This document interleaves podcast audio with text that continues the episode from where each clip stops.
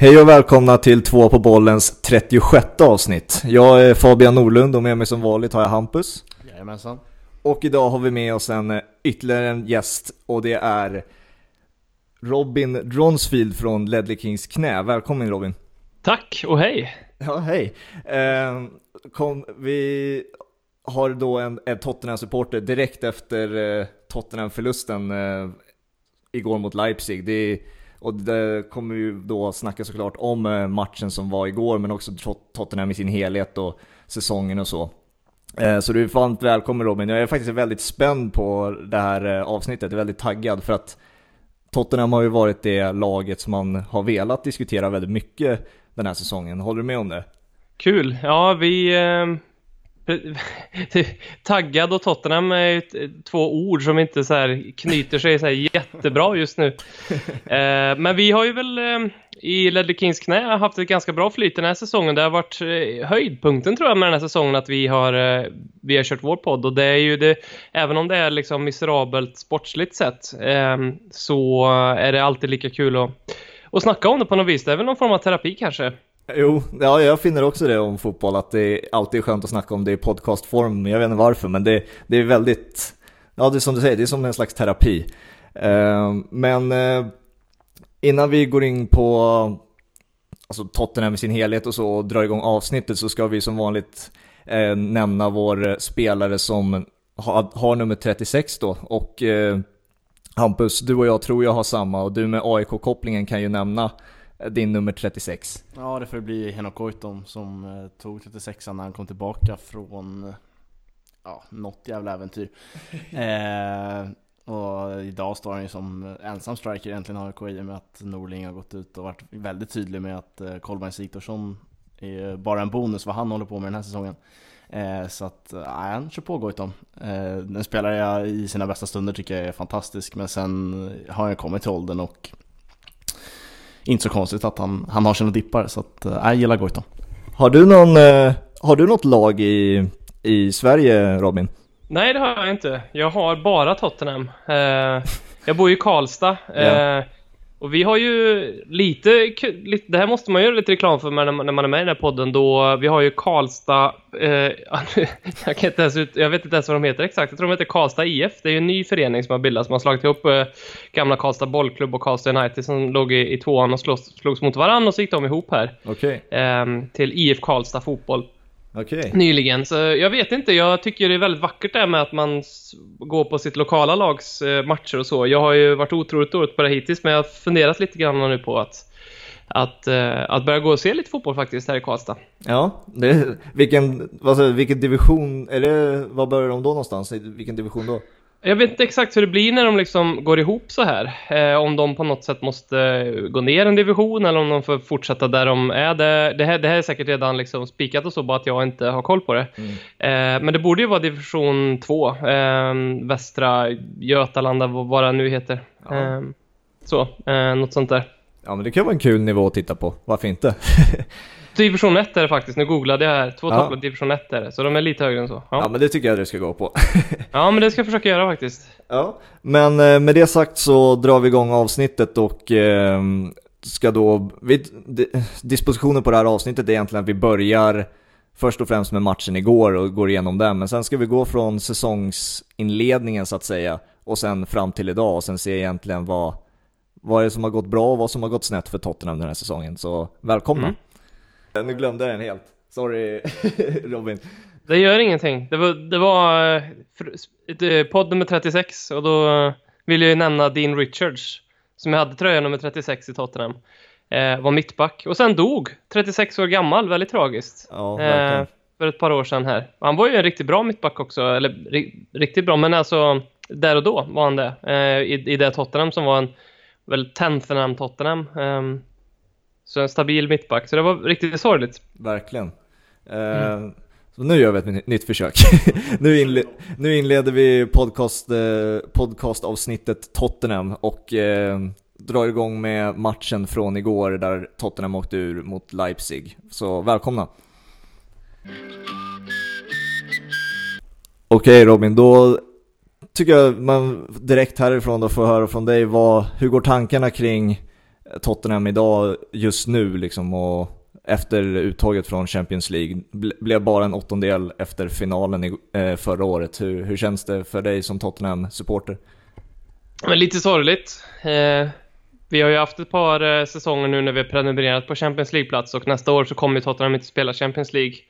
Kan man väl nästan med all sannolikhet säga. Eh, eftersom att vi inte har någon eh, cup vi kan vinna nu. Nu är ju för sig femteplatsen lite sådär halvt eh, up for grabs eh, i och med Citys uteslutande.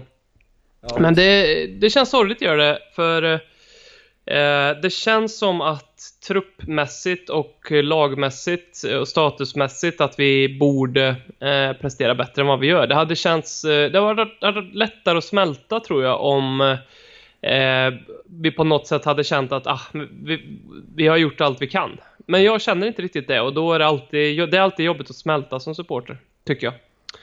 Um, Mourinho sa väl här inför matchen mot Burnley att uh, efter Wolves-förlusten så sa han inför matchen mot Burnley att uh, han kommer att fråga uh, Daniel Levy och Tottenhams ledning om vilken match och han ska ehm, prioritera nästa vecka. Burnley eller Leipzig. och då fick vi väl ganska tydligt svar på den frågan att han, han prioriterade Burnley.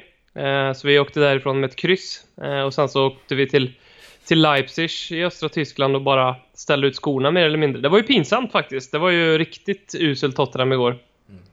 Mm. Eh, Deli Alli räddade väl lite med att efter presskonferensen gå ut och be om ursäkt till alla som har rest dit och tittat på det. Eh, det hade han inte behövt göra. Det, det, ja, det är så, men eh, räddade väl lite. Men det känns inget bra. Det, att vi inte är i Champions League eh, och att vi inte kommer vara där nästa säsong och kanske inte på ett tag framöver. Nej, jag såg uppmärksammade en tweet från Erik Niva som är ju känd för att liksom vara tydlig med att allt, allt går åt helvete när man håller på Tottenham. Och han sa väl det att eh, man inte får, kommer få se Tottenham i Champions League förrän kanske 2024. Eh, vi får väl se om det, men jag tycker att insatsen igår var otroligt svag från Tottenhams del och det känns som att man... Nej, Mourinho har inte fått, fått det lyftet man kanske hoppades på. Eh, och Eh, ja, som du säger, man prioriterade Burnley-matchen men man kommer bara därifrån med ett kryss och sen egentligen blir totalt överkörda. Så att, nej, det var en sorglig syn igår måste jag säga. Mm. Måste fråga dig Robin, alltså start, vi har ju fått, eh, alltså nu tycker man ju att Tottenham och deras prestation, prestationen att de är dåliga på grund av att det finns så många skador som Kane och Son. Det är liksom det Mourinho försöker sälja in. Men när du mm. tittar på startelvan som de ställer ut igår, visst, ingen forward, men är det ett sånt dåligt lag så att det ska bli alltså, överkörning 3-0 och eh, alltså ingen match överhuvudtaget? För när jag ser på startelvan ser jag ma massa talang på plan. Ja, ja. Nej, men det, det är absolut inte. Det är ett lag som eh, potentiellt är lika bra som Leipzig. Alltså, och, och vi bara pratar vilka spelare som, som startar. Med, som du säger, då kanske undantag att inte vi har en riktig striker och att Tanganga som är en, hur mycket lovande han än nu kan vara, en ändå väldigt i sammanhanget orutinerad mittback. Så, um, men, men eh, det är liksom inte riktigt där problemet ligger um, för Tottenham. För att vi har en rätt bra trupp, men uh, den borde ha fått en uh, ny injektion tidigare än vad den fick. Den borde blivit men renoverad tidigare. Eh, vi påbörjade en renovering, liksom, vi slängde upp lite nytt kakel i badrummet och tog in Lo Celso, Ndombele, Sessignon och Jack Clark i somras, men vi fick liksom inte ut den, den stora stinkande toaletten och handfatet som står och läcker liksom i massa spelare som, eh, som vi borde gjort oss av med tidigare. Eh, vi släpper en omotiverad Eriksen för 17 miljoner pund i januari och vi släpper Wanyama gratis nu till USA. Liksom. Det, var, det, det är dåligt skött på transferfronten. eh, och det är, där vi, det är det som gör att truppen är sargad, för den är sliten. Eh, för att, eh, och den är sliten både mentalt och fysiskt. Den är sliten fysiskt på grund av skador och det är ju lite otur i sammanhanget får man ju säga. Liksom, många spelare har fått, blivit matchade otroligt hårt. Men jag tror det är mer en psykisk eh, slitning vi ser i laget och den har ju liksom sin upprinnelse någonstans i att Eh, Pochettino var väldigt tydlig med att eh, utåt eh, att eh, vi behöver göra en, eh, en makeover, eh, extreme home makeover av den här truppen. Vi behöver rensa ut och det kommer vara en painful rebuild. Det var exakt så han sa också, en smärtsam ombyggnad av, av truppen. Eh, och när han säger det utåt, då förstår man ju någonstans att det här budskapet är nog väldigt tydligt inåt, för så brukar det ju vara på något vis att Ehm, den kommunikationen som går utåt, den är ganska väl förankrad och sådär inåt innan. Så jag tror att det var många Tottenham-spelare som där och då eh, såg fram emot lite, tror jag. Eh, att eh, skiljas åt med vissa spelare och få in nytt. Och sen så händer inte det. Eh, och då är det klart att det ställer väldigt mycket frågor till de som är kvar. Att, men vadå, allt ni lovade då att vi skulle eh, köpa in de här och de här och vi skulle göra oss av med det där och där och vi ska ha ett nytt lag som ska se ut så här. Det hände inte. Vad innebär det framöver och vart är vi på väg och så. Mm. Sen så tar man in José Mourinho som väl inte riktigt är känd för att vara eh, den managern som eh, som Pochettino var på det sättet som bygger också den mänskliga sidan av fotbollsspelare på ett bra sätt.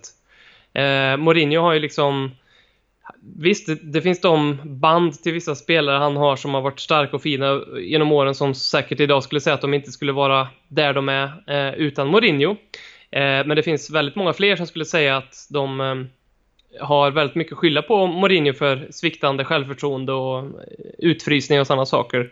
Det, och det har han redan börjat med i Tottenham. Eh, och jag tror inte att det hjälper. Eh, jag blir jätteförbannad, jag blir väldigt provocerad. Jag vill inte se hans presskonferens längre för att jag, jag vet att jag kommer få någonting. Ja. Eh, liksom som, som jag bara sitter och, och, och tänker, det här kommer inte att tas emot väl. Nej, vi kan eh, gå in på Mourinho alldeles strax och eh, bland annat hans eh, presskonferenser. Eh, men jag tänker vi kan ta rulla tillbaka bandet fram till eh, ja, i somras när säsongen drog igång och ja, du började ju med ett, eh, en finalförlust i Champions League och sen en del nyförvärv med Los Elso och eh, Sessignon och eh, Ndombele framförallt som var stora namnet. Hur såg du och Tottenham-fansen generellt sett, alltså vad var målsättningen och vad, vad trodde du, trodde du på att det skulle bli en sån här berg och dalbana till säsong eller trodde du att det skulle fortsätta i samma riktning framåt och uppåt? Jag minns inte exakt, men jag, jag minns att jag var, eh, att jag tyckte att vi hade en otroligt bra trupp. Eh, jag minns att jag var på hemmapremiären mot Aston Villa i augusti och jag minns att eh, vi stod i regnet på en pub utanför arenan och snackade och eh, sa att i år kanske vi liksom är titelutmanare.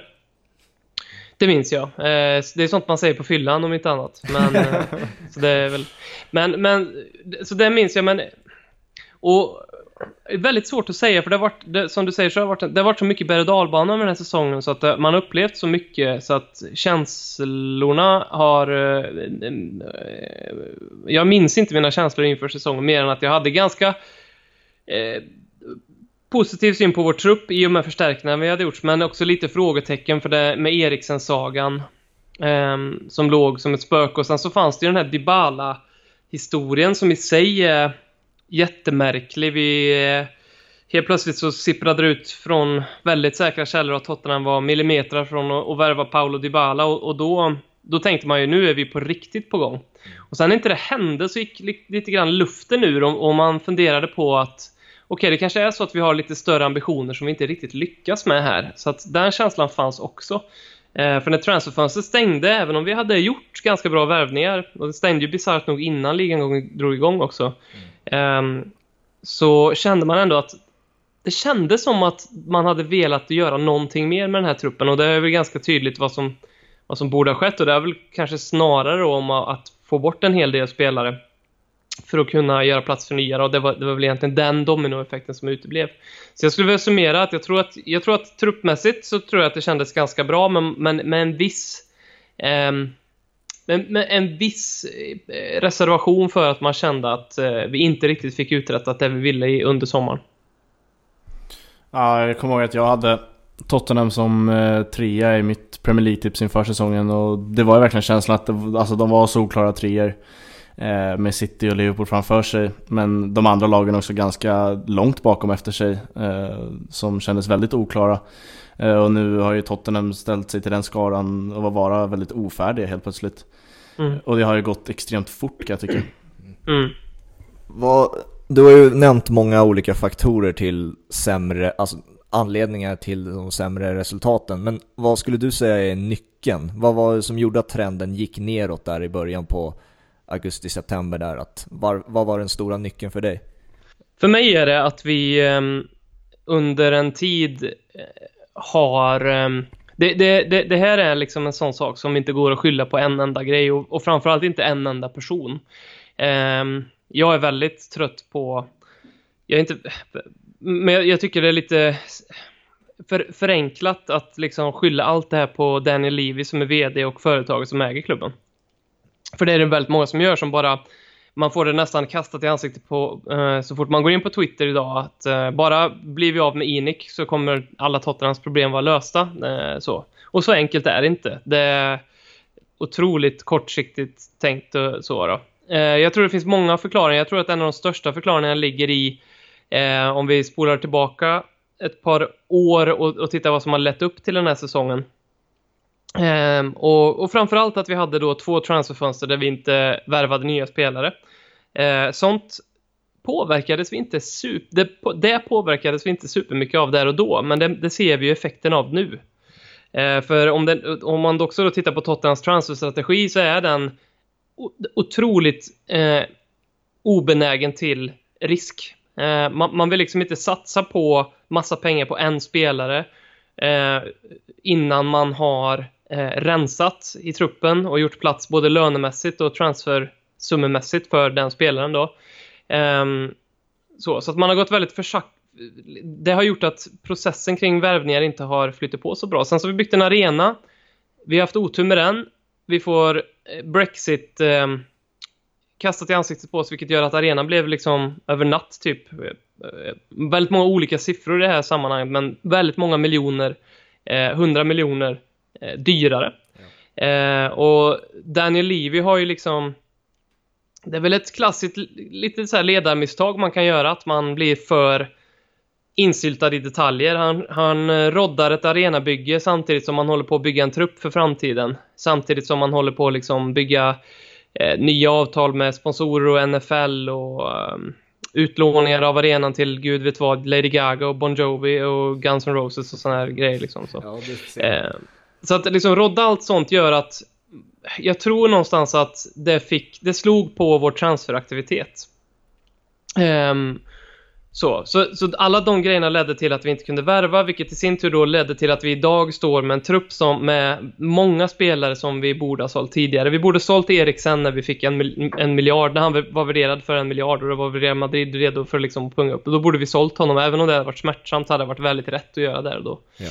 Eh, vi borde ha gjort oss av med andra spelare tidigare också. Och som jag var inne på förut, då, det som händer sen när inte den här ombyggnaden sker. Och den, den, det är såklart alltså, när man inte då har agerat på två transferfönster eh, man har lagt allt krut på att fixa den här nya arenan så ska man försöka lösa det här på en sommar på ett transferfönster och det, det, det är klart att inte det går liksom. Um, så att jag tror att luften gick ur väldigt många spelare och luften gick nog ut ur Maurizio Pochettino också. Han är ju inte skrupelfri, han är ju inte felfri i det här. Uh, jag tror att han tappade tron på det lite själv också. Mm. Det, mm. Fortsätt, fortsätt.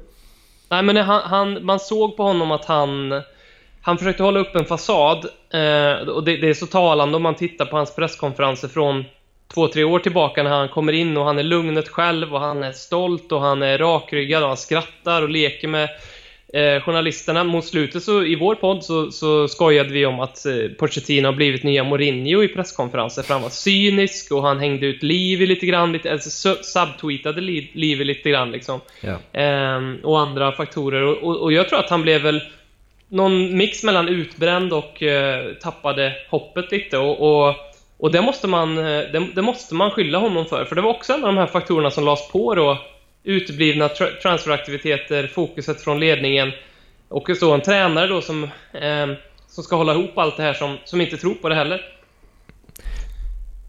Kan du ta oss tillbaka då till hur din reaktion var när Pochettino får sparken? Eh, tycker du att det var korrekt i sak då, i och med att du var inne på att det hade gått lite utför för honom? Eh, eller var det, liksom, var det rätt eller fel beslut helt enkelt? Jag tror eh, där och då, där och då, men liksom i affekt så reagerade jag väldigt starkt på det. Jag tyckte att det var bedrövligt. Jag var liksom inte långt från tårar över det, om man ska vara helt ärlig. Så, så liksom, för att jag, jag tyckte om honom så otroligt mycket.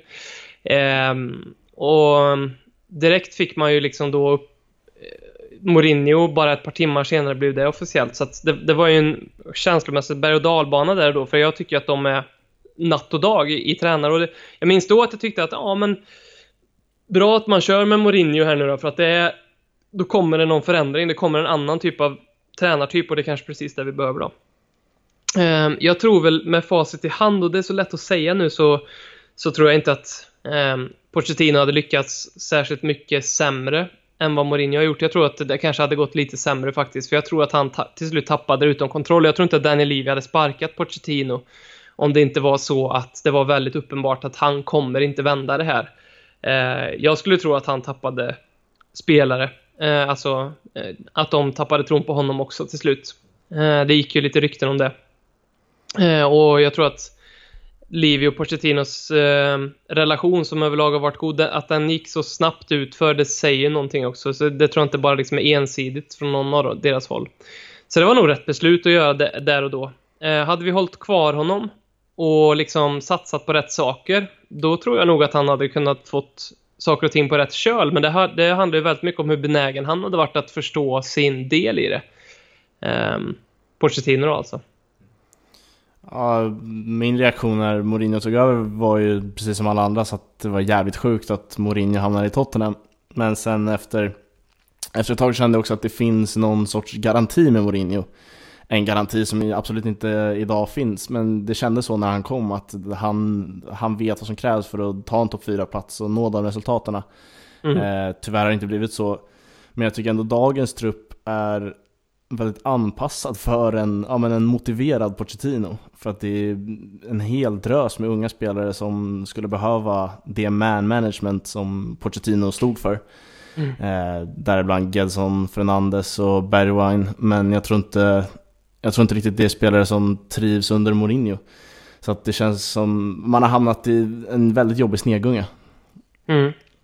Sen så måste man, man får att vi anställer Mourinho är ju ett otroligt fint kvitto på oss som fotbollsklubb och mm. på arbetet som, eh, som har skett med Tottenham för att, att värva en tränare av den digniteten jag tror 2001 tror jag Livi tog över Tottenham. Alltså att, att, att värva en sån tränare, det var ju så otroligt långt ifrån eh, verkligheten. Eh, så det är ett väldigt fint kvitto för Tottenham att, att ha den möjligheten, tycker jag.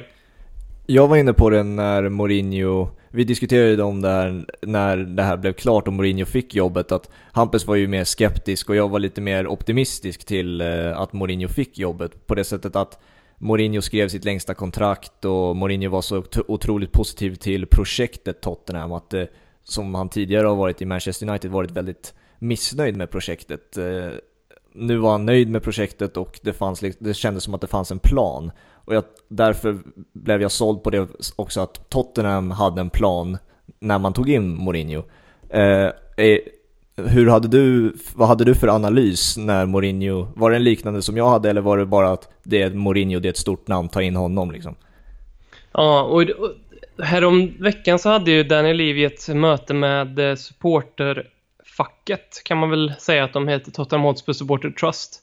Så där han fick den här frågan, de träffar ju honom tre gånger per år och då eh, pratade man om den här situationen och då eh, sa Levy ordagrant att jag vet inte om jag någonsin har sagt att vi håller på med ett projekt här eh, i Tottenham. Eh, utan det vi håller på med är att eh, se till att den här klubben eh, existerar i rätt sammanhang eh, över lång tid punkt slut liksom. Och eh, jag, jag tror han när han säger det. Eh, jag tror att man som supporter byggde upp känslan om ett projekt kring Pochettino lite grann därför att det, det, det var mer, det är så mycket filosofi bakom allt han gjorde.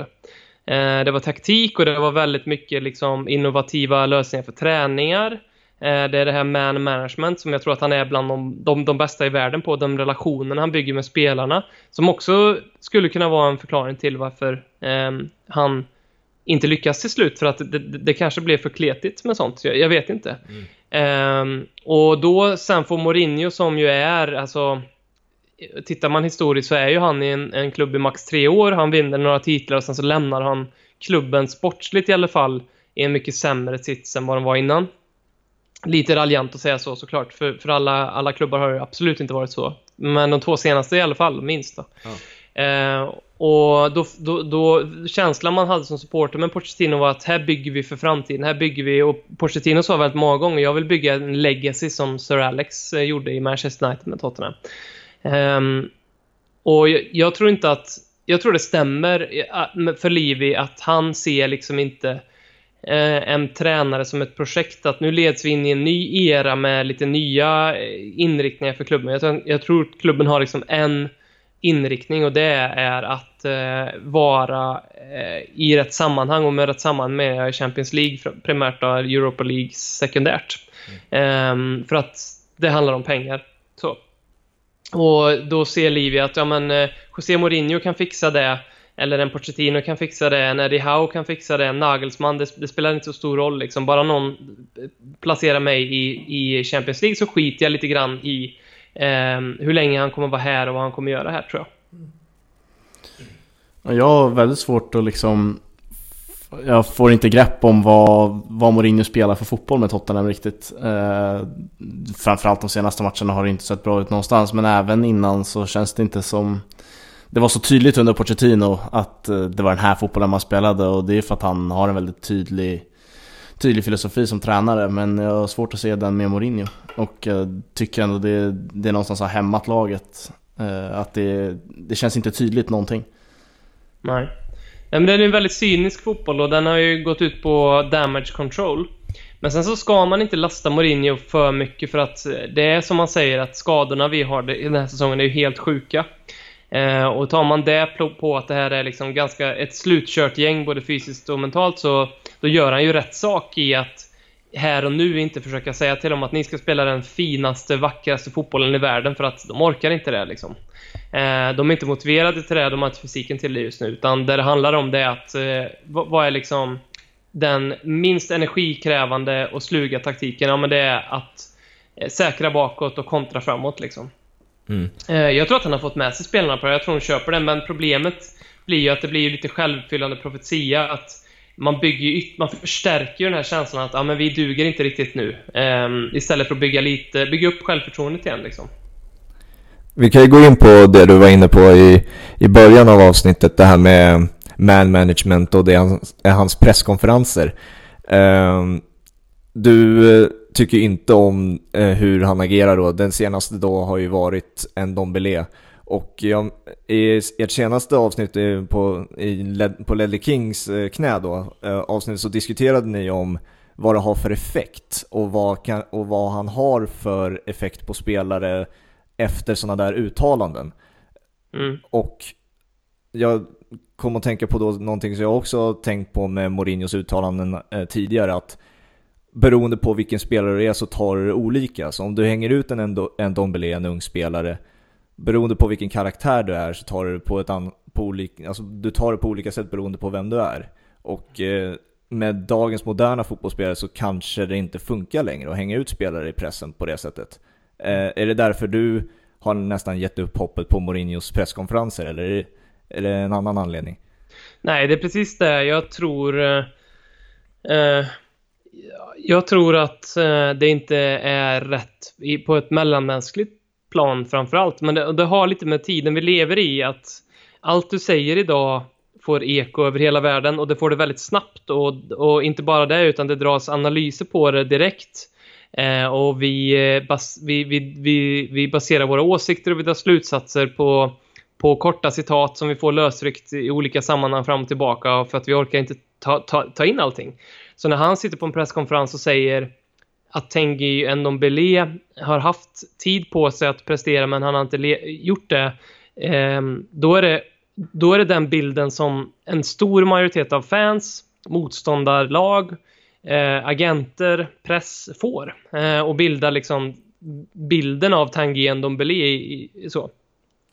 Eh, och jag, jag, jag, kan inte se hur det någonstans kan vara positivt. Eh, för ehm, jag hoppas ju att Tanguy eh, kan ta det, eller liksom att de har pratat om det. I den, i den bästa världen har ju Mourinho sagt så här, hörru nu vet du vad, lyssna inte på vad jag säger i en presskonferens för det är bara ett spel. Mellan dig och mig så vill jag att du ska se på det så här liksom. Men det tror jag verkligen inte för att det, det känns, eh, det känns inte Mourinho att hålla på så, jag vet inte men Eh, så i den bästa världen så tar ju Tanger det här på ett sätt att liksom, okej, okay, men jag ska sticka ner huvudet nu och bara kötta och visa och bevisa världen att jag har fel och det vore ju superbeundransvärt men jag kan inte blamea honom om, om han och hans agent just nu sitter hemma på en soffa och liksom funderar på vart de ska placera om honom så att hans karriär, hans marknadsvärde kan få ett, ett revival liksom. Mm. Ja, jag vet att jag har varit, jag har varit inne på det när Mourinho tog över Tottenham att man som spelare till Mourinho så hade jag inte kollat på en enda presskonferens och istället försökt uh, lyssna på vad han säger internt så men uh, som du är inne på så är jag inte helt säker på att han säger olika saker internt och presskonferenser. Det, är mycket möjligt att det är samma tugg där. Uh, men om vi ja, kollar framåt då Mourinho och Tottenham. Ska han sitta kvar? hur ser det ut med sommaren? Ja, den som vet det. Jag tror inte att han kommer få kicken eh, den här säsongen och jag tror att eh, han får tidigast gå från Tottenham om det ser precis likadant ut till eh, eh ja, men kanske inte riktigt den här tiden nästa år, men eh, oktober, november nästa säsong om inte det har kommit igång. Och om, alltså gå tillbaka till det vi pratade om förut, som jag är inne på, att om Daniel Levy gör bedömningen att den vägen vi just nu är inne på, den leder inte till Champions League, då ryker han direkt. Mm. Nu är det nog ganska konstaterat, så nu är det lite damage control för Liv, eh, vilket kommer innebära att vi kommer inte göra den typen av värvningar som vi skulle gjort om vi hade Champions League-pengarna. Vi kommer nog göra värvningar i sommar, eh, och det är möjligt att vi kommer göra några bra värvningar dessutom, eh, men absolut inte de eh, som vi hade kunnat gjort. Eh, och sen så står vi också inför faktumet att ja, Harry Kane, han kanske vill lämna. Um, efter den här eh, säsongen om vi slutar 7-8 och inte har Champions League uh, och han inte vinner EM med England um, och känner att nej, jag, jag, vill göra, jag vill få ut mer av min karriär, då har han all rätt och då skulle jag inte blamea honom för det. Um, alls. Så. Um, och vad händer då med Tottenham? Um, när man tappar en sån talisman och när man tappar statusen i, som man har i Champions League. Kan José Mourinho rädda det? Mm. Det kanske han kan. Uh, han har ju bevisat förut att han uh, gillar att slå lite underläge och med Inter och Porto-tiden och om man kan väcka det till liv så i, i den här truppen så för det är så den kommer att byggas då. Det, vi kommer inte köpa in några storspelare. Eh, vi kommer köpa den här typen av Bergwijn, Ndombele-typerna, de som är liksom 18 23 år, inte passerat 40-50 miljoner pund i, i eh, transferprispeng liksom. Mm. Eh, det är så otroligt svårt att se, för det finns så många olika scenarion, men eh, jag tror att um, oavsett om vi värvar hur vi värvar i sommar, om man inte får ordning på det spelet så kommer han vara körd i oktober, november nästa år, det är jag ganska säker på. Mm. Vad tycker du om eh, värvningar som har gjorts, sett till den här säsongen då? Till exempel Bergwijn och Lo Celso som jag personligen i alla fall tyckte har varit en av Tottenhams bästa spelare i alla fall. Ja, han måste väl ha varit det tror jag. Jag tror han är eh, Tottenhams bästa den här säsongen. Eh, Lo Celso då alltså. Mm. Eh, jag tycker vi eh, värvade otroligt bra. Och det, det står jag fast vid. Eh, det var helt rätt att plocka Sessignon, som jag tror eh, många glömmer. Eh, han, har ju, han är fortfarande väldigt ung eh, och har spelat i, eh, i Fulham i hela sin karriär. så att testas på den här nivån nu, det är inte konstigt att han ser lite valpig ut och lite ringrostig, men han har redan visat att han verkligen vill och den, den spelaren tror jag otroligt mycket på, så det är en jättebra värvning. Ehm, Otroligt iskallt spelat av Livi också, att inte nypa honom när han var som hetast. Eh, så den får man bara ge hatten av. Det var en supervärvning faktiskt, så sett. Mm. Samma med Tanguy Ndombele. Eh, det är en jättebra värvning. Det är helt rätt typ av värvning. Eh, lite mer risk i den såklart, för han hade gjort en bra säsong bara. Eh, och han hade eh, gjort det i, bra i Champions League och i eh, franska ligan med, med Lyon. Ehm, helt rätt spelartyp som vad vi, vad vi behövde. Eh, vi behöver ju ersätta Moussa Dembele liksom. Eh, och och det, det visar han ju, det han gjorde förra säsongen visar han ju alla kvaliteter. Ehm, vad som har hänt med honom, det är ju en gåta, men och om han kommer komma bra, ja, vi, det vet vi inte. Men jag står fast vid att det var en helt rätt värvning att göra. Men han, är, han har ju varit en flopp. Det, det, går inte att säga något annat. Eh, han har visat jättefina tendenser när han varit inne. Han gjorde mål i sin första match. Han gjorde eh, lagets första mål den här säsongen. Och, eh, så han, han, har visat jättefina tendenser, men han, eh, han måste ju jobba med sin fysik och sin eh, aggressivitet och, och sin, eh, sin vilja på plan. Liksom. Sen Lo Celso är ju en jättevärvning och otroligt bra gjort att eh, lösa honom i januari eh, permanent, för han var ju det var en klassisk Levy. om man får säga någonting eh, om den värvningen så var den att den borde skett tidigare. Han kom ju i princip sista dagarna på transferfönstret och det började ju snackas om att vi ville ha honom redan i maj. Eh, och det är ju det här som är Livis liksom. Det som till, till slut blev lösningen var för att Eh, eh, Betis var ju skyldiga att betala en eh, procent på övergångssumman till PSG. Och Betis ville ju ha en ganska saftig peng och den drevs ju upp då liksom att de visste ju att vi måste ju avvara en viss procent till PSG liksom om vi säljer honom, så vi vill ha ganska mycket från honom. Eh, så då lyckas man ju hitta en lösning med att man, Tottenham lånade honom och betalade typ, kommer inte ihåg vad det var, men typ, säg att det var, ja men det, det var en ganska liten summa Eh, och, och, det var det, av den summan så fick eh, PSG en procent och sen så gjorde man upp i januari att nu får ni resten Betis liksom. Så otroligt snyggt spelat så, men eh, det visar ju att prio är affärer för Livi för att hade han eh, vägt in att okej, okay, nu tar vi en lite mer ekonomisk smäll här, men vi får Lo Celso så att han kan försäsongsträna eh, med Tottenham och vara redo inför den nya säsongen, då hade ju det sett väldigt mycket annorlunda ut. Nu kom han match eh, otränad till ett land, han talar inte språket, dessutom lite småskadad och fick en dålig start helt enkelt. Eh, och kunde inte fylla det hålet som, som det var tänkt att han skulle göra. Då. Eh, men han är ju eh, en supervärvning. Sen har vi ju värvat Jack Clark som jag inte kan säga så mycket om. Han är utlånad till QPR just nu, varit utlånad till Leeds, han har inte fått spelat någonting, så den, den vet vi liksom ingenting om. Eh, och så Bergwijn och Edson Fernandez som vi nöp i, i januari, som är två jättebra värvningar, tycker jag. Eh, Bergwijn kommer vara en nyttig poängspelare, tror jag. Jättenöjd med den helt rätt spelartyp. Eh, vi hade kanske, om man hade varit tvungen att välja så hade man ju tagit de pengarna och spenderat på en anfallare istället såklart. Men eh, eh, helt rätt värvning för framtiden, helt rätt fit för Tottenham, kommer, kommer bli jättebra med honom. Jetson Fernandes tror jag också jättemycket på. Um, också en intressant spelartyp liksom. Um, så att tittar man på vad vi har fått in så det har varit riktigt bra. Det handlar kanske lite mer om timing. Det borde gjorts två säsonger sedan. Och framförallt så borde vi ha rensat ut truppen så att vi kanske hade kunnat gjort ännu mer värvningar eh, än vad vi har gjort då. Ja, jag måste säga att jag, jag har sett en del eh, Jack Clark med min familj, med pappa och storebror är Leedsare. Ja, kul. Eh, och han, eh, när han slog igenom där Leeds, vad blev det? Ja, det var ju förra säsongen. Mm. Eh, så hade han det otroligt kul med ytterbackarna i Championship. Han är en otroligt bra spelare en mot en måste jag säga. Eh, och jag, jag trodde i alla fall att han skulle bli en bärande del av ett Bielsa-lag i år. Eh, det blev ju tyvärr inte så, det tror jag har skadat hans utveckling en del. Men eh, jättefin talang och engelsk, de, de summorna brukar dra iväg när de är just från England. Så att, eh, jag tror ändå Tottenham har någonting i Jack Clark som kan bli riktigt bra för att han han visade otrolig talang i Leeds men tyvärr blev det väl inte som någon har tänkt sig i år. Mm. Uh, en tanke som jag är förälskad i och har varit det ett antal år nu, antal, ett x antal somrar, det har ju varit Bale tillbaka till Tottenham. Hur realistiskt mm. tror du att det är? Inte alls, det kommer inte ske. Det, um, han är för gammal uh, för att Livi ska tänka okej, okay, vi, vi gör den här investeringen.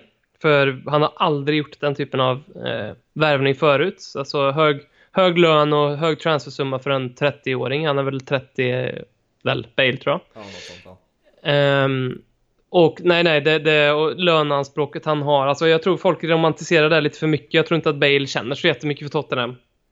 Eh, jag tror att han känner väldigt mycket för att tjäna pengar liksom. Så att han är nog mer sugen på Kina eller PSG eller USA. Um, Juventus, alltså jag vet inte, men där han kan eh, få, få cash. Jag, jag tror inte att han har ett Tottenham-hjärta liksom som är särskilt. Det, skulle absolut ta han, men um, det, jag inser att det är helt orimligt att vi gör det. Ja, ja det, är, det är en tanke som man kan ju hoppas i alla fall. ja, det, det kan man verkligen göra. Men eh, vi går vidare till någonting som, eh, alltså, utöver fotbollen i Tottenham så är ju väldigt mycket fokus på en viss dokumentär, Amazon eh, dokumentär, eller vad man ska kalla mm. det, Amazon. Stora företaget eh, har ju ett, jag vet inte hur länge de har filmat, är det sen i somras eller? Mm, det är det. Eh, är du, först och, först och främst, är du taggad på att se den dokumentären med tanke på säsongen som Tottenham har haft? Ja, jag, jag inser att den kommer att förklara en hel del tror jag. Sen så kommer den sminkas otroligt mycket. Det kommer vara mycket som är bortklippt och den, alltså Livy kommer ju vara executive producer till den där liksom, eh, tror jag. Eh, så att det, det, det, är lite, och det säger jag med bakgrund av att jag sett City-dokumentären eh, All or Nothing som jag tycker var fullständigt värdelös. Jag tröttnade efter ett par avsnitt för det var ju man, alltså det, det, det, det, skrek ju corporate eh, det här, marknadsföring om själva dokumentären. Om man jämför den med Sunderland-dokumentären liksom, som inte handlade om att Sunderland skulle marknadsföra sig själva utan som handlade om att någon ville visa den verkliga sidan eh, av, av Sunderland. Den, den var ju råbra. Det är ju gåshud när jag tittar på den. Jag vill se, jag vill se den igen liksom. Ja. Um, så jag tror att det kommer vara en ganska beige um, dokumentär. Eh, jag hoppas ju såklart inte det. Jag hoppas ju att de, de Daniel Levy har satt sig riktigt i skiten och liksom gått med på att eh, nej men det Amazon har eh, bestämt sig för att filma och visa, det får Amazon visa. Eh, men så enkelt, det, liksom, Daniel Levy är kanske en av de absolut bästa förhandlarna vi har, i, i alla fall i fotbollsvärlden. Mm. Så att det, det, det, det, bedömer jag som osannolikt. Men, och det är ju en marknadsföringsgrej för Tottenham det här att man gör det. Um, och det som är, skiljer City lite grann är väl att eh, först och främst så är det inte ett kamerateam den här gången utan man har monterat eh, kameror på vissa ställen. Eh, över arenan, träningsanläggningen och kontor och sådana saker. Eh, vilket tror jag kommer att göra att den kommer kännas lite mer lite mer Big Brother än eh, dokumentären med City. För man fick ju verkligen, jag fick i alla fall lite så här cringy känsla av City-dokumentären. Mm. Att alla spelarna visste att ah, nu blir jag filmad så nu ska jag liksom säga de här självklara sakerna och visa vilken fantastisk människa jag är och samtidigt lite rolig och liksom så yeah. eh, Så jag tror att det finns potential till lite mera äkta känslor i den här dokumentären och framförallt med allt som har hänt så ska det bli jätteintressant för att se hur mycket man faktiskt eh, får se av det här. Men jag kan inte hjälpa att känna att det provocerar mig väldigt mycket att vi gör det här. Eh, för att jag, jag tycker det går emot, jag tycker det är liksom... Alltså hur, hur många där ute kan ärligt säga, förutom de här liksom flippade människorna som söker till Big Brother, men hur många kan säga att ja, men jag skulle vilja att någon installerar kameror på min arbetsplats och filmar allt jag gör och gör en dokumentär av det sen liksom. Det kan ju inte, alltså även om man är som fotbollsspelare, man, man vinner väldigt mycket på att marknadsföra sig själv. Så tror jag man också inser att oj, jag, jag kan inte vara mig själv. Kan det här ha påverkat Tottenham negativt i, i, i liksom idrottsligt sportsligt den här säsongen? Ja, kanske. Um, man kanske inte kunde haft samma öppenhet, man kanske har varit lite mer sluten eh, i sina relationer internt, jag vet inte. Um, jag det, och jag kommer ju med... Det, skräckblandad förtjusning passar otroligt bra in på liksom, känslan för den här. Eh, får man säga. Mm. Ja, jag satt och tänkte på Sunderland-dokumentären när du tog upp den och jag blev ju kär i den som så många andra. Eh, och man kan ju skämta om att det kan ha påverkat, eh, men man kan ju också vara seriös. Det känns som ofta när när ett lag startar en dokumentär så är det ju, allt behöver inte gå åt helvete men det är ofta mycket saker som händer och det är inte alltid så positiva. Eh, Leeds hade också Amazon eh, dokumentär och det, ja, det slutade ju med att de klappade ihop fullständigt och åkte ut i en playoff-semifinal. Eh, så att, eh, mm. jag tycker ändå, man kan ju skämta om det men det går också att vara seriöst kring att det, det kan nog påverka. Mm. Uh, jag tänkte, vi kan ta upp några alltså, punkter här generellt som Tottenham-supporter och sånt där. Det är någonting som jag, min pappa är ju själv Tottenham-supporter och eh, vi har ju diskussioner så här som vi tycker är väldigt svårt att placera Tottenham som ett som lag, alltså var på rankingen och hierarkin står de i England och i Europa och sådär. Hur skulle du placera Tottenham? Är det ett ett topplag eh, som har en dålig period just nu? Är det ett, ett lag, en lag och en klubb som har haft ett, eh, en talangfull trupp med en talangfull tränare i några år nu och sen börjar det dippa igen? Eller hur skulle du placera Tottenham eh, personligen Robin? Det är en kul fråga. Eh, jag tror att eh, går man tillbaka, alltså den världen vi lever i nu gör att eh, den bilden jag har av Tottenham ifrån mitt lilla radhus i Karlstad i Sverige, den är ganska lik den som många britter som bor i London eller eh, som är på varje match har. Eh, eftersom att vi har social media, vi ser alla matcher och så. Eh, men går man tillbaka så har ju Tottenham alltid varit Tottenham har alltid varit eh, i England i alla fall det här laget som kan blixtra till ibland och som har en för eh, det har varit ett kupplag som har, som har varit känt för att vinna cupen. Nu har vi inte gjort det på typ 30 år om man inte räknar med ligacupen då liksom. Um, men det har varit det där laget som man kan räkna med att spela rolig fotboll, som uh, vinner en cup lite då och då, som blixtrar till och som har några fantastiska spelare, men som um, man också kan liksom ligga under med 3-0 eh, i halvlek och sen veta att ja, fan det här vänder vi liksom. Eh, det, det har varit lite det där eh, inte funnits en ryggrad liksom, som man sett på Tottenham. Eh, den är ju den gamla klassiska bilden. Eh, och sen så följde ju en period 90, tidigt 2000-tal där eh, begreppet Spursy kom in i bilden. Eh, där liksom Tottenham blev känt för att inte bara vara det här laget som inte hade någon ryggrad utan som alltid fuckade upp det. Och som alltid vi har liksom lasagne-incidenterna, vi har hur många incidenter som helst, spelare vi värvar som vi säger det här kommer bli nästa stora grej, liksom händer ingenting, det är helt så. Eh, vi har satsningar som, som folk skrattar åt liksom. Eh, så någonstans där 90-tal, 20, tidigt 2000-tal så, så, tror jag väldigt många bara skrattar åt. Vi kallas ju för Tenthenham. Så, så kommer den här perioden när vi börjar hosta oss uppåt lite och vi försöker slå oss in i topp 4 men vi, vi liksom vi äter lasagne inför en bortamatch mot West Ham och fuckar upp det och sen så kommer vi fyra men Chelsea vinner Champions League så vi inte får en Champions League-plats. Och det var massa sådana år eh, och händelser kring Tottenham som byggde upp liksom ett, en, eh, en myt om att vi är en liten charmig uppstickare men, men när det kommer till kritan så kommer vi liksom slå knut eh, på oss själva. Sen har det ju tror jag att många när Pochettino tog över Tottenham har sett tot i, i början såg Tottenham som en charmigt ungt lag som hade någonting eh, på G. Eh, men sen när det, den framgången har mattats av, framgången men eh, ja, vad ska man säga, den vinden mattades av lite grann med Pochettino så har ju fler och fler nu börjat eh, avsky Tottenham. Jag tror det är många som ser på Tottenham med lite liksom hat idag, mer än vad det var för bara några år sedan. Och det kommer som ett kvitto på lite framgång tror jag. Det måste man liksom, ja men du som är Liverpool-supporter eh, måste ju vara otroligt van där från, från framförallt den här säsongen att när man är etta så, så får man ju otroligt mycket skit. Det får man bara liksom tugga i sig. Ja, verkligen. Eh, så att statusen Tottenham har nu är, man har väldigt mycket respekt med det man har gjort de senaste åren.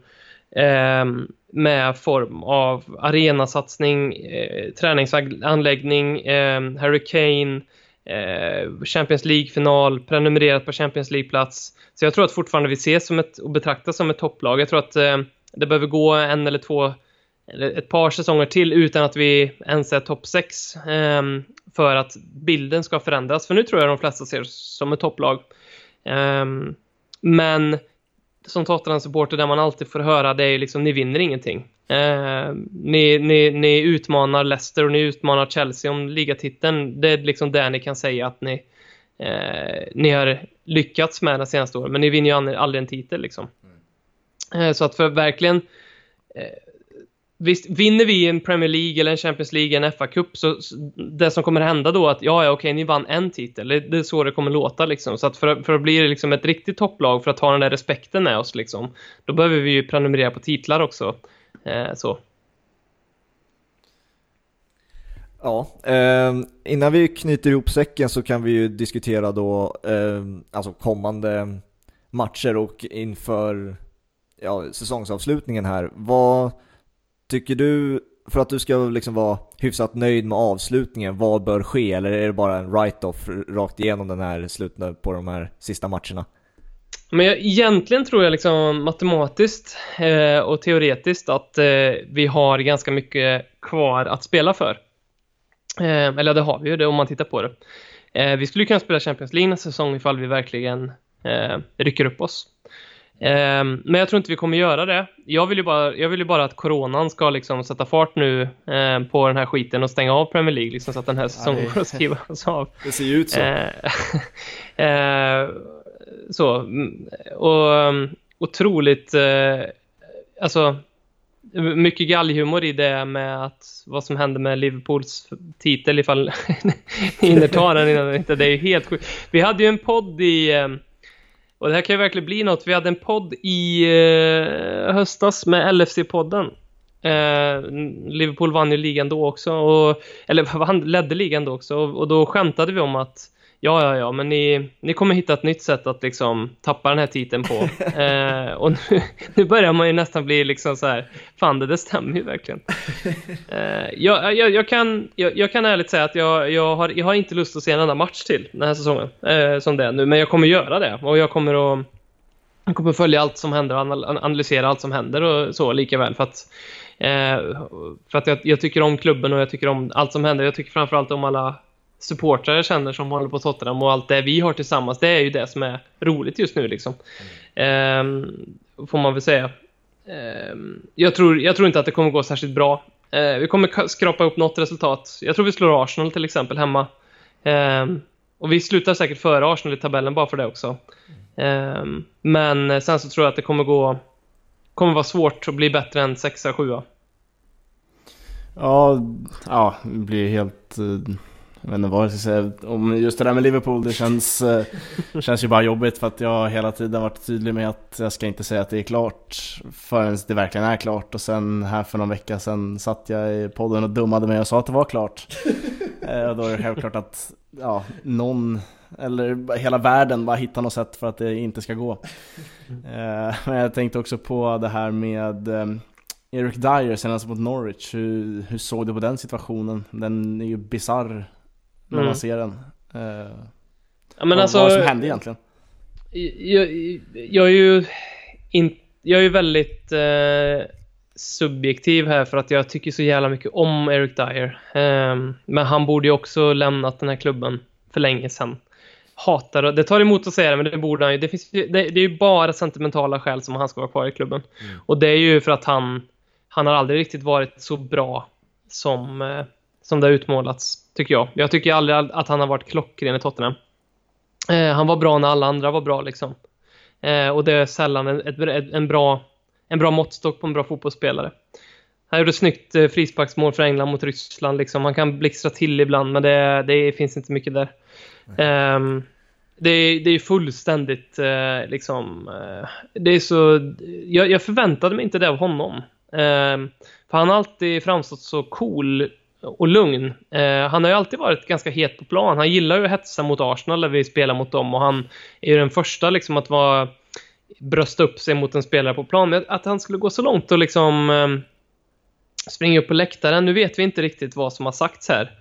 Eh, och jag tror att eh, det, det, det, finns, det finns två, alltså inget är bekräftat, men eh, ändå att det är någon som ska håna hans bror, att hans bror på något sätt ska ha varit där och, och fått skit.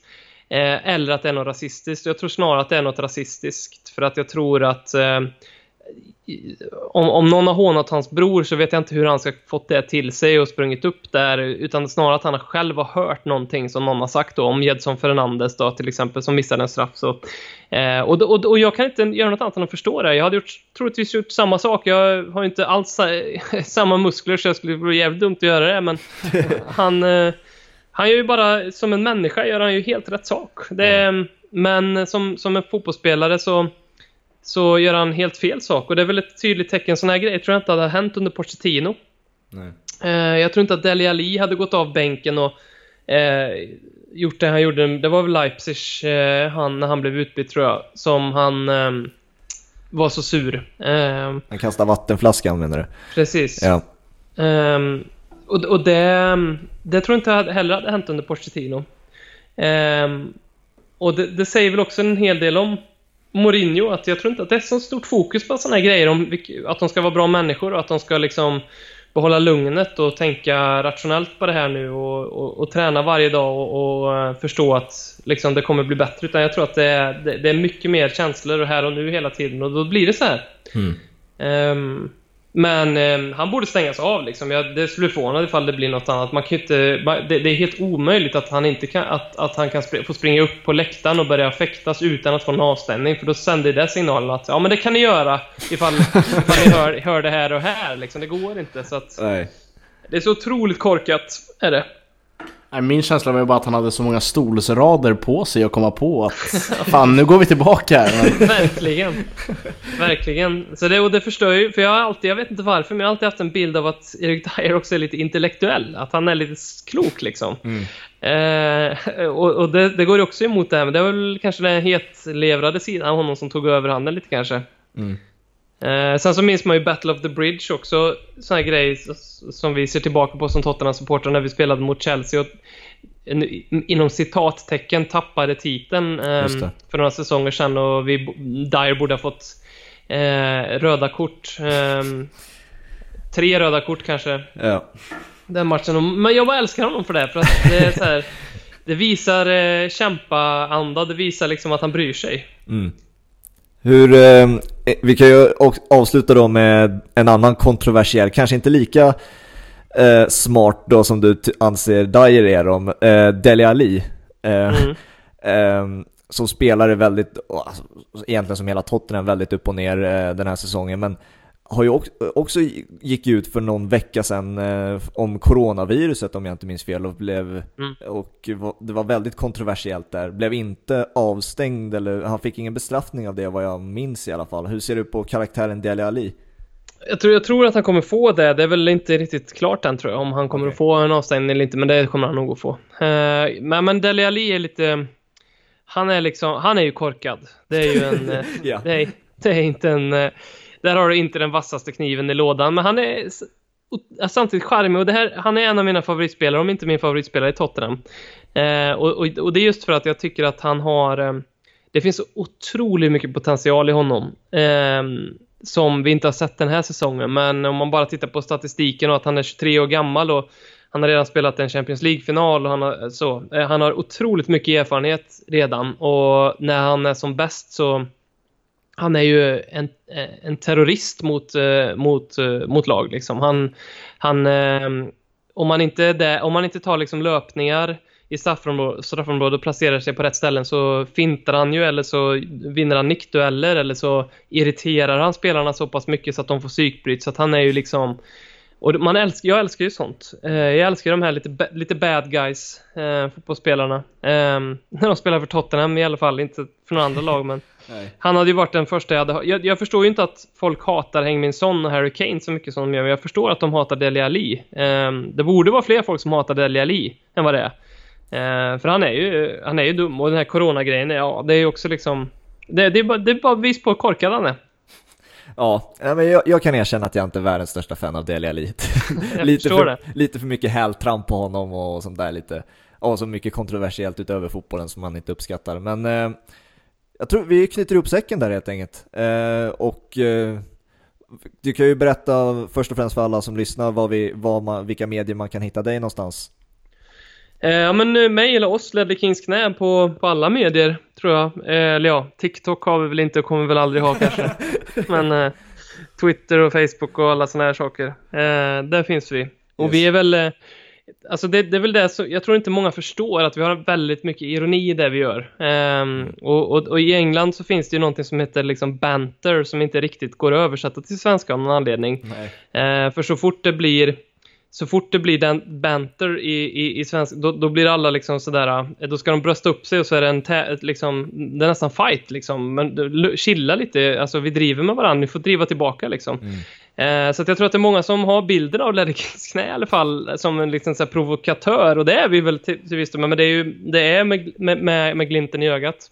Eh, så, så att eh, kom gärna in och provocera oss, eh, fan det älskar vi. Eh, skicka DM eller en, en öppen tweet eller någonting om hur jävla usla Tottenham eller vi är. Det, sånt är kul tycker vi. Ja, ja men jag, jag älskar er podd, jag tycker den är grym, ni har sjukt rolig ton, så jag, jag uppskattar banten i alla fall, det gör jag. Eh, skitroligt att du var med Robin, du får gärna gästa när du vill igen. Gärna. Eh, Tack. Så får vi lycka till, till sända ett lycka till till Tottenham resten av säsongen så Vi kan lika gärna plugga våra kanaler också. Jo, gör Vi har ju två pubbollen på uh, överallt utom Twitter där det är två bollen utan utan det där pået med borttagna prickar, så två bollen där. Så att, uh, ja, kanske vi börjar köra, ha lite banter med Lille Kings knä, det vet man inte. Gärna. Ja, Gärna. det, det blir svinkul, det planerar vi ihop. Eh, ja, men tack så jättemycket för att eh, för ni som lyssnade, så hörs vi eh, nästa vecka. Ha det så bra! Ha det, ciao! Ja, det var. Hej.